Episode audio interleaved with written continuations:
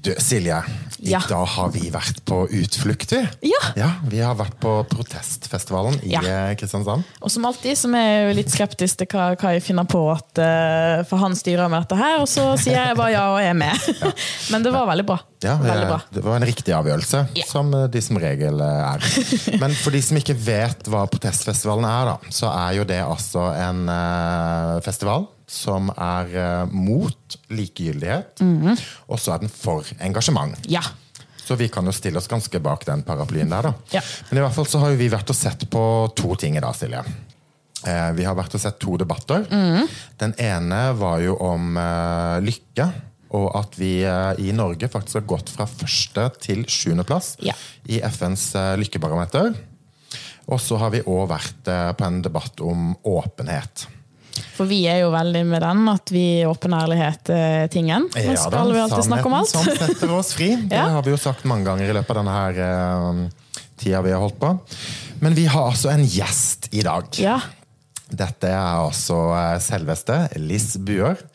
Eh, journalist i magasinet Psykisk helse. Du leda jo debatten om eh, lykkebarometeret, FNs lykkebarometer, og så var du òg med på debatten om åpenhet. Når jeg sier da, som vi ofte sier i denne podkasten, det er sannheten som setter oss fri, hva tenker du da? Ja, det høres jo veldig fint ut, men jeg tror kanskje ikke det er så lett for Nei, alle nei. å leve i fullstendig sannhet. Er det noen som gjør det i det hele tatt? Tviler. Skal jeg helt ærlig. Nei, men, men Det er jo begrensninger rundt oss Absolutt. eh, på, på jobben, eh, i samfunnet og ja. Og det var jo litt sånn, hvis vi tar den siste debatten hvor du da var en deltaker, så var det jo um, så var det jo tre mennesker som har eh, egentlig litt sånn sterke historier, men som de òg har da bearbeidet egentlig litt sånn i offentligheten. Hvor eh, Og når du jobber som journalist i dette magasinet Psykisk helse, hva tenker du i forhold til de menneskene du intervjuer? Altså, hva er greit? Hvor, hvor går grensene? Eller er det noen grenser? For hva man kan være åpen om, eller hvor åpen man kan være. Ja, eh, og, Eh, Det var nok ehm, Det er nok veldig viktig å tenke på at eh, folk skal leve med det de forteller etterpå. Så når folk forteller historiene sine til meg om, ehm, om ulike problemer de har hatt, eller sykdom, så eh, tenk, snakker jeg ofte veldig grundig gjennom ting på forhånd. Eh, viktig å være godt forberedt. og eh, også ha, jobbe mye i etterkant av et intervju for å finne ut eh, hva som er komfortabelt for dem, og hva som, hva som egentlig er greit å dele. For det er ikke greit å dele alt. hvorfor er det ikke det? Fordi samfunnet ikke er moden for det, kanskje. Så, Og fordi man skal også være Én ting er å dele, men du skal også, det er også noen som skal ta det imot. og det er jo igjen den som deler, som òg må ta imot. Ja, ikke sant? Og, men den som lytter, skal også ta imot. Og det er ikke alle som lytter, som klarer å ta imot. Nei. Og det tenker jeg også er eh, en ting som jeg må tenke mye gjennom i jobben min. Hvis, særlig hvis jeg skal inn i veldig vanskelige historier. Hva klarer jeg egentlig å høre på, på en måte, uten at jeg eh, enten setter opp en slags eh, avstand, eller at jeg, at, at jeg blir for engasjert. At jeg, at jeg får lyst til å gråte, f.eks. Ikke sant? Jeg, da er du ikke noen god journalist. Hvis du, Men har du hvis du sitter og gråter. Nei, men så er det jo bare et menneske, du òg, da. Det er klart en, Ja da. Det hender at jeg får litt tårer i øynene. Ja. Men, eh, men det er mye sterke historier. Og eh, når man jobber med det, sånn tematikk, så må man være ekstra varsom. Altså, vi journalister vi jobber jo etter Vær varsom-plakaten. Og, og en viktig del av det er jo da å eh, tenke på at vanlige mennesker er jo ikke profesjonelle. Altså, vi møter mange mennesker som ikke treffer journalister i det daglige. For det kjenner jeg litt på med det der at eh, alt er jo så tilgjengelig. sant? Med TikTok, Instagram. Så får du jo ofte bare servert noe i fleisen som du kanskje ikke er helt mottagelig for akkurat der og da. Og så er det en dyp historie, og så blir du litt nysgjerrig. Og da også som et veldig følsomt menneske, så er det jo det å ikke kjenne på alle disse følelsene til de fæle historiene, men prøve å begrenses litt. Men det er ikke meg. Ja. Og så kan, du, kan du på en måte ikke gjøre noe heller, hvis du bare er vitne til en forferdelig historie. Eller som en tok opp i dag, ikke sant? At, eh, at det var en som faktisk begikk selvmord på eh, Var det Ja, Instagram, eller jeg husker ikke hvor det var. Så, så Ja, bare for du som lytter, da, kan du bare ta så eh, kjapt fortelle om det. Men det var altså en eller annen eh, litt sånn offentlig person på et sosialt medium som kalte inn til en eh, livesending hvor vedkommende tok livet sitt. ja. Den er jo ikke helt grei. Det er jo en Nei. åpenhet som er mot sin hensikt.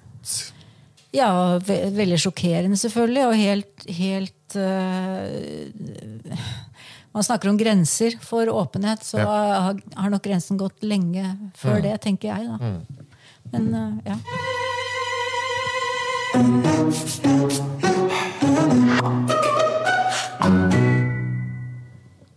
For meg og det, Kai, vi har jo diskutert litt i det siste det der med at det går jo en grense på å være, det å være personlig og det å være privat. Og den ble jo også tatt opp Ja. uh, i uh, denne. Men du, Liss, som da en journalist, hvor, hvor går dine grenser i forhold til hva som er personlig og privat? For at du kan jo ikke være en sånn maskin av et menneske som uh, noterer en historie. Det går jo ikke. Du må jo liksom være et menneske. Men, men hvor er dine grenser? Har du noe I jobbsammenheng, tenker du? Ja. Mm, da er det nok sånn at jeg øh, har jo funnet ut, da, etter å ha vært med i mange år, at øh, jeg får jo mye bedre intervjuer hvis jeg deler noe av meg selv også. Ja. Så hvis jeg øh, møter noen som har en eller annen historie, så prøver jeg også å bidra litt med ting jeg har opplevd, uten at jeg på en måte tar over. eller noe sånt, men men øh, jeg tror det er litt viktig at det er en slags øh, samtale, og at det er et medmenneske som sitter der, og ikke som du sier da, en maskin som bare sitter og noterer eller Det er skal relasjon, gjennom, liksom. Ja. Det, er, det er ikke grens- sånn historiene blir gode. Og det er ikke, altså, leserne må jo identifisere seg med, med det som blir sagt eller Mm. skrevet. Så Men hva er privat for deg, da? Hvor er det du ikke går? Hvilke rom er det? For det er jo ikke så lett, egentlig, den der. nei Hva er Det var veldig vanskelig. Det har jeg egentlig ikke tenkt over. Jeg tror det går veldig mye sånn på magefølelse. Ja. Og at uh, hvis jeg føler at jeg nærmer meg noe som blir veldig touchy, så spør jeg kanskje er det greit om jeg spør. Sånn og sånn. Eh, men Men i jeg til tror jeg aldri har spurt direkte f.eks. har du prøvd å ta livet ditt på, altså som journalist. Man kan jo, ikke sant, Hvis man har venner eller noen som, som er veldig deprimerte, så kan man jo spørre om det. Eller kan man jo spørre uh, har du hatt eller har du selvmordstanker, f.eks. eksempel Da kan man jo være en støtteperson. Men ellers så overlater jeg ofte til folk og hva de ønsker å fortelle. Da. Og så leder jeg med spørsmål, og så, men uten at jeg er for direkte. på en måte. Men samtidig så er jo også eh, Dette er en tolkning, men jeg, har du vært ute for Så jeg tenker jo at du naturlig kanskje har vært ute for mennesker som må nesten beskyttes litt for seg sjøl. Eh, og det var jo òg det som jeg syns var interessant i debatten her, er jo eh, Skal man bruke åpenheten på direkten, altså å bearbeide traumer og det, eller trenger man å ha en avstand før man egentlig kan snakke om det? Altså, Ja, det er det. Der er jeg litt redd eh, noen ganger for at man eh, At med alle de nye sosiale mediene så kan man være litt på ville veier. For jeg tenker at dette er eh, kanskje unge mennesker som sitter liksom hjemme og har det vondt. Og så deler de det med masse mennesker ikke kan se. Altså det Bare sånn direkte rett ut. Og så får de kanskje en respons eh, av et eller annet slag som gjør dem godt. da. Mens det de egentlig kanskje trenger, er jo å snakke med noen eh, eh, face to face, eller snakke med foreldrene eller familie. Eller hva, ikke sant? Og det er litt eh, eh, Det tenkte jeg litt på også under debatten i dag. at Kanskje det er lettere å dele med et publikum Ja, ja. Et, som man ikke ser, enn med sine nærmeste. At For man kan en- sitte i et hjem på en måte og ikke dele med, med de som sitter rundt det. For én ting er jo liksom å åpne opp, men så er det jo ofte da at når man åpner opp i noe sårt, så trengs det å gjøres noe. Og så har en kanskje ikke ressursene sjøl til å faktisk gjøre det, og det er derfor en liksom får det behovet for å åpne opp. Men jeg tror jo det der å åpne opp et vondt sår uten at det gjøres noe Og da er vi jo, tenker jeg også inne i grenselandet sosial pornografi. Uh, og det er jo bare egentlig dritkjipt. Så da er det jo en sannhet som virkelig ikke setter en fri. Ja, for vi jeg, tar, jo litt- jeg tar egentlig litt sånn tilbake. Ja. 20 episoder inn. Ja. 20 episoder inn, og så bare Nei, vi har ombestemt Nei, oss. men jeg, bare, jeg bare tenkte at hvis, hvis du har noe issue sjøl, da altså du går gjennom noe, og så har du egentlig behov for noe profesjonell hjelp egentlig da for å håndtere dette, men så er du åpen om det, og så har du liksom blottlagt det, og så får du jo ikke noe hjelp nødvendigvis bare av å Og så er det jo det i ettertid, da, når man er moden og har fått det på avstand. Så er det jo litt sånn der, ja, sånn som vi om i sted, Du må jo stå i den responsen du fikk tilbake. Og det er jo ikke alltid at når du kanskje er ferdig med det, at du har lyst til å eh, hente det opp igjen fordi folk spør. Eh, og så var det det, og vi pratet litt om eh, at deler unge for mye i forhold til altså, voksne som er mer moden. Hva tenker du om det? Jeg tenker jo at grensen er blitt flyttet. Når dere spurte i stad om, at, eh, om eh, forskjellen på privat og personlig. Så jeg kan huske Da jeg begynte i, eh, som journalist, så snakket vi mye om det der hva er privat og hva er personlig. Vi ville jo ofte på den tiden, liksom 90-tallet, ha litt sånn eh, litt, litt mer sånn juicy eh, private greier.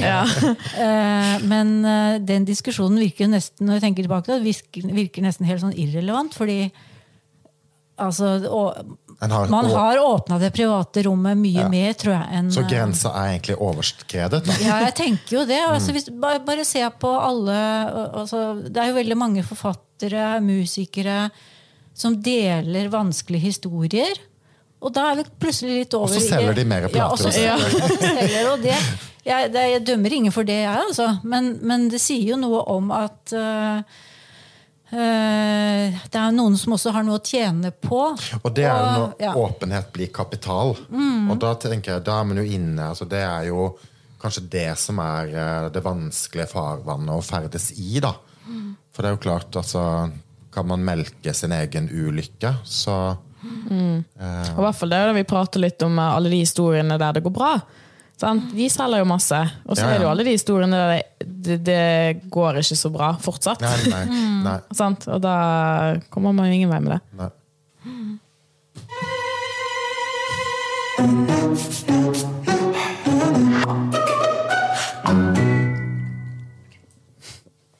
Nå er det jo egentlig litt sånn synd at vi ikke har eh, Kent her i dag. Eh, For han er jo en eh, litt mer østers enn jeg og Silje. Eh, Så det har egentlig vært sånn interessant å ha hans betraktninger på dette med åpenhet. da. Han er jo litt mer privat enn det kanskje meg og deg er. Eh, Han er særdeles privat. Det er ikke så mye som kommer ut av den kjeften som eh, ikke er gjennomtenkt og bearbeida. Og det er jo, men nå kan vi jo ikke snakke med han, så vi må jo bare snakke med oss tre som er her. da. Eh, Men det var jo òg snakk om lykke, Silje. FNs lykkebarometer. Hva er FNs lykkebarometer? Du skrev det ned på notatene dine. Ja, du skrev Ja, det for meg. Nå ble jeg sånn, å ja, ok. Ja. Ja, ja, se her, ja. Kjempegodt forberedt. Um, det var 137 land med.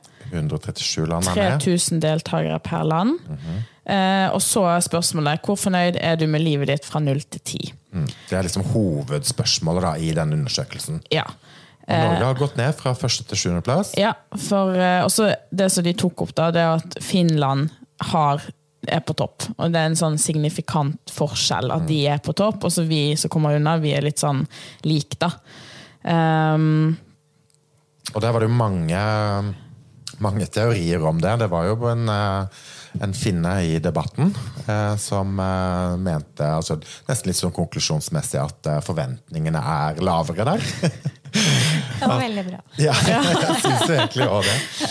Men eh, du er jo eh, Jeg tenker jo du, du har jo hatt en spennende jobb lenge, for du har jo vært ute og ja, Både i den psykiske helsen til folk og som en journalist generelt.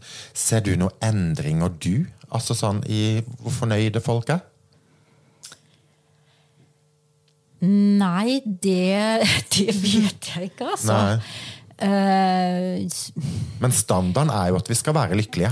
ja, det skal jo det. Um, jeg tenker at uh, hvis det har skjedd en endring, så er det noe jeg ikke spesielt har fått med meg. Men kanskje fordi jeg endrer meg selv òg.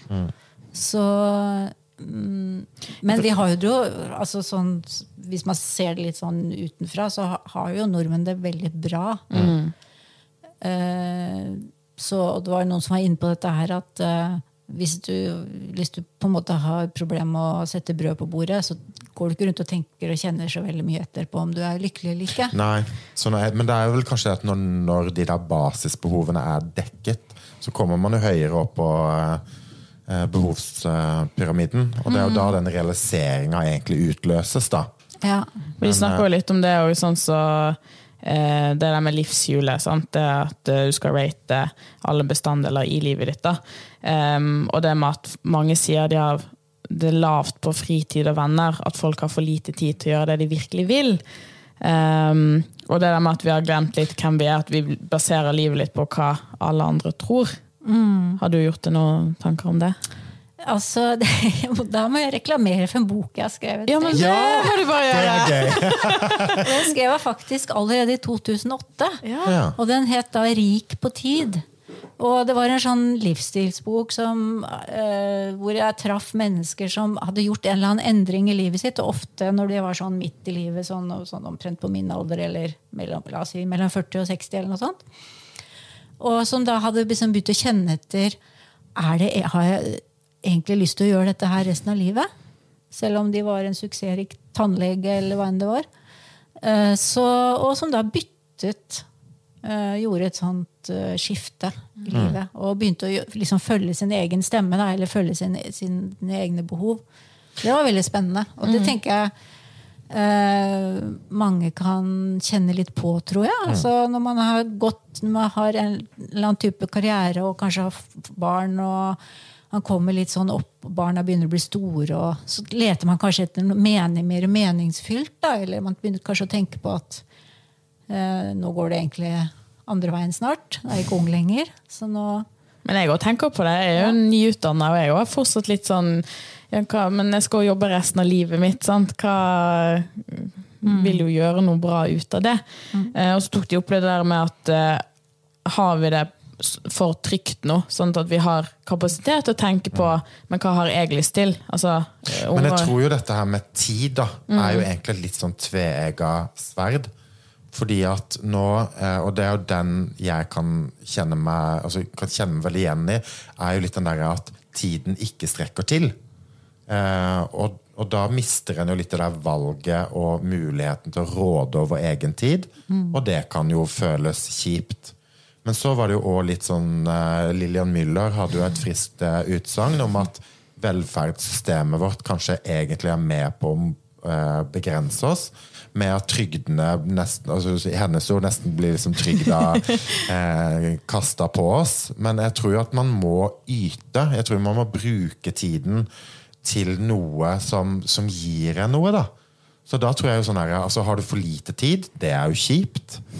Men òg har du for mye tid og ikke innhold å fylle tidene med, så er jo det òg kjipt. Så det er jo litt sånn derre Kryssa ski. Eh, Ja. så, jo, men egentlig i det, da. Men jeg tror jo det der med tid At det er det Derfor tror jeg egentlig at det mest verdifulle vi har, er jo egentlig tid. Og hvis en mister råderetten over den, det er jo dødskjipt. Og unger, unge. Unger er jo veldig sånn fortalt uh, Du kan bli hva du vil. Og da er jo litt det store spørsmålet Men hva vil jeg egentlig? Sant? Og det å finne tilbake til det autentiske. Vi hadde jo en, eh, en i debatten også som òg snakka litt om det. Uh, men hva, hva har jeg lyst til? Ja, og det, og, og det, det tenker jeg har jo også veldig mye med frihet å gjøre. Det var jo også et tema i, i forbindelse med lykke. da. Eh, At uh, hvis man egentlig blir har altfor mye å gjøre, og altfor mange gjør og altfor mye ansvar, på en måte, så mister man jo egentlig mye frihet. Så da blir man fanget i noe man kanskje egentlig ikke orker eller har lyst til. Og det tenker jeg kan godt føre til at man blir nedfor og syns det er tungt og vanskelig. og sånt. Og generelt sett så er det jo litt sånn at ting Altså det man gjør, enten gir det eller tar det. Men hvis du liksom bare gjør ting som bare tar, så er det jo ikke noe sånn Sitter jo ikke igjen med noe i energibanken på det, da. Ja, Men så er det også noe med at uh, lykke er jo ofte å gi. Ja. Det er jo uh, Men så er jo òg, ja. som var et godt poeng som jeg tenker er viktig Altså lykke, altså en sånn konstant lykke tror jeg jo nesten du egentlig bare kan få på drugs. jo, men egentlig. For at en, en lykke er jo en litt sånn så, så det er jo definisjonen nå, men jeg tror vi jakter mye lykken. Altså den permanente, rusa lykketilstanden. Men det er jo tilfredsheten som egentlig er en sånn bedre energi å være i enn lykke. Det sa jo han finske eh, Nils Erik Forsgaard i dag også, at eh, kan man ikke bare være normal? Er Må du streve etter så mye Ja. hele tiden? Liksom? Og det, det er også sånn jeg kan kjenne litt på selv også, at eh, Kan du ikke bare være normal? Altså, jeg, jeg, har hatt en, jeg har hatt en ganske sånn slitsom periode privat bak meg nå de siste åra. Og så har jeg, har jeg tenkt liksom at når jeg kommer ut på den andre siden, da skal jeg, da skal jeg ikke ha noen ambisjoner. Jeg skal bare leve helt rolig. Bare sånn, sånn, Ja. vanlig. Ikke noen sånne Ta det mest mulig rolig. Og så merker jeg med en gang at uh, isteden så begynner det liksom sånn åh, hmm, Jeg tror jeg skal melde meg på et malekurs. Ja. Jeg har kommet dit i livet at jeg skal melde meg på malerkurs. Ja. Realisere din indre maler. nei, det er masse andre vel middelaldrende damer som gjør det samme. Mm. Så, så da blir, jeg jeg oppslukt av det. Men det er jo veldig, det er jo veldig glede, da.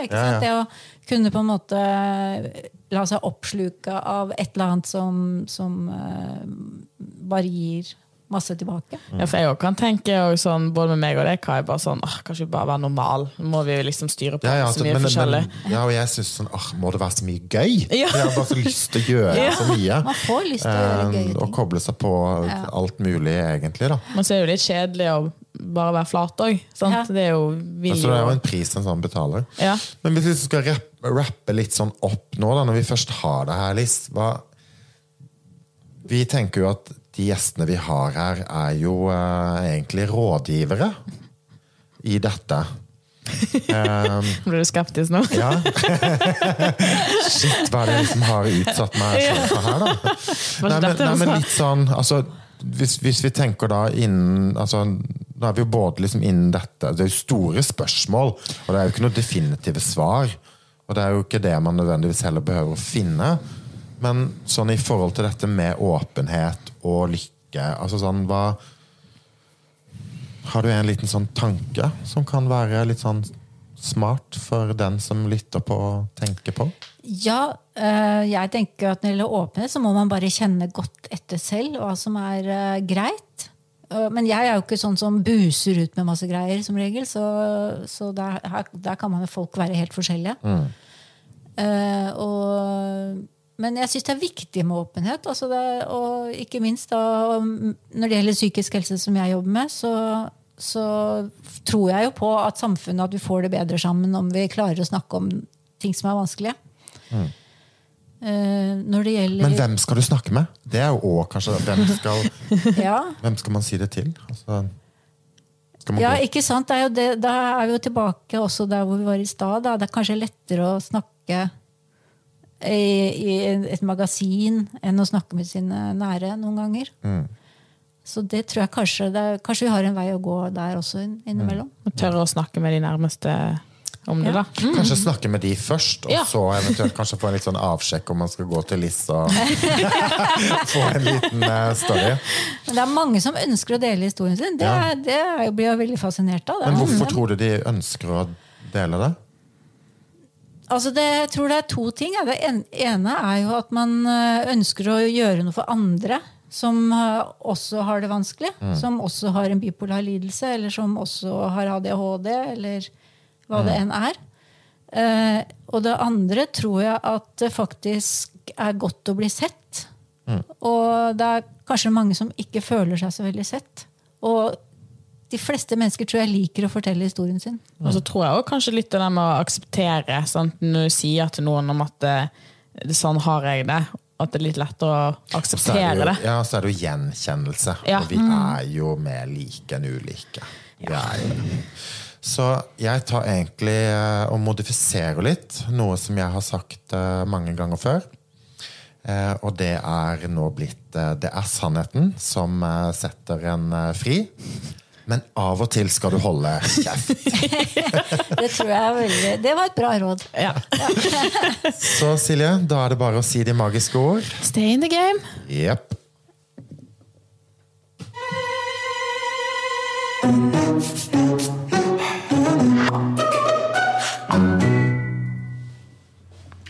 I denne episoden så har vi snakket om en del alvorlige ting. og I den forbindelse vil vi avslutte med å si at det er veldig viktig å be om hjelp hvis man sliter med noe og har tanker om å skade seg. Snakk med en venn, foreldre, andre i familien, kollega, helsesykepleier, fastlege eller ring en hjelpetelefon. Hjelp finnes for alle.